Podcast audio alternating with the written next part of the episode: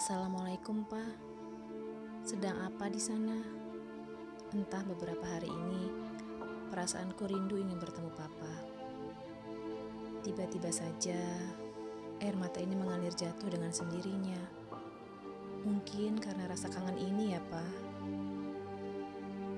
Andai Papa tahu, hari ini Mama ulang tahun. Dan itu akan mengingatkan kami padamu. Waktu kecil dulu, kalau ada yang berulang tahun, pasti papa ajak kami makan dan jalan-jalan. Kenangan indah masa kecil selalu ada dalam ingatanku. Itu yang selalu buat Ila kangen sama papa.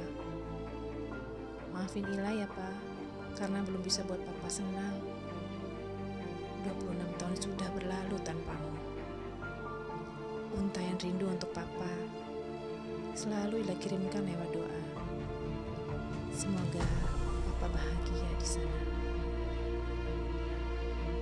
Engkau jauh di mata, tapi dekat di doa. Aku merindukanmu yang selalu menyayangimu, Pak.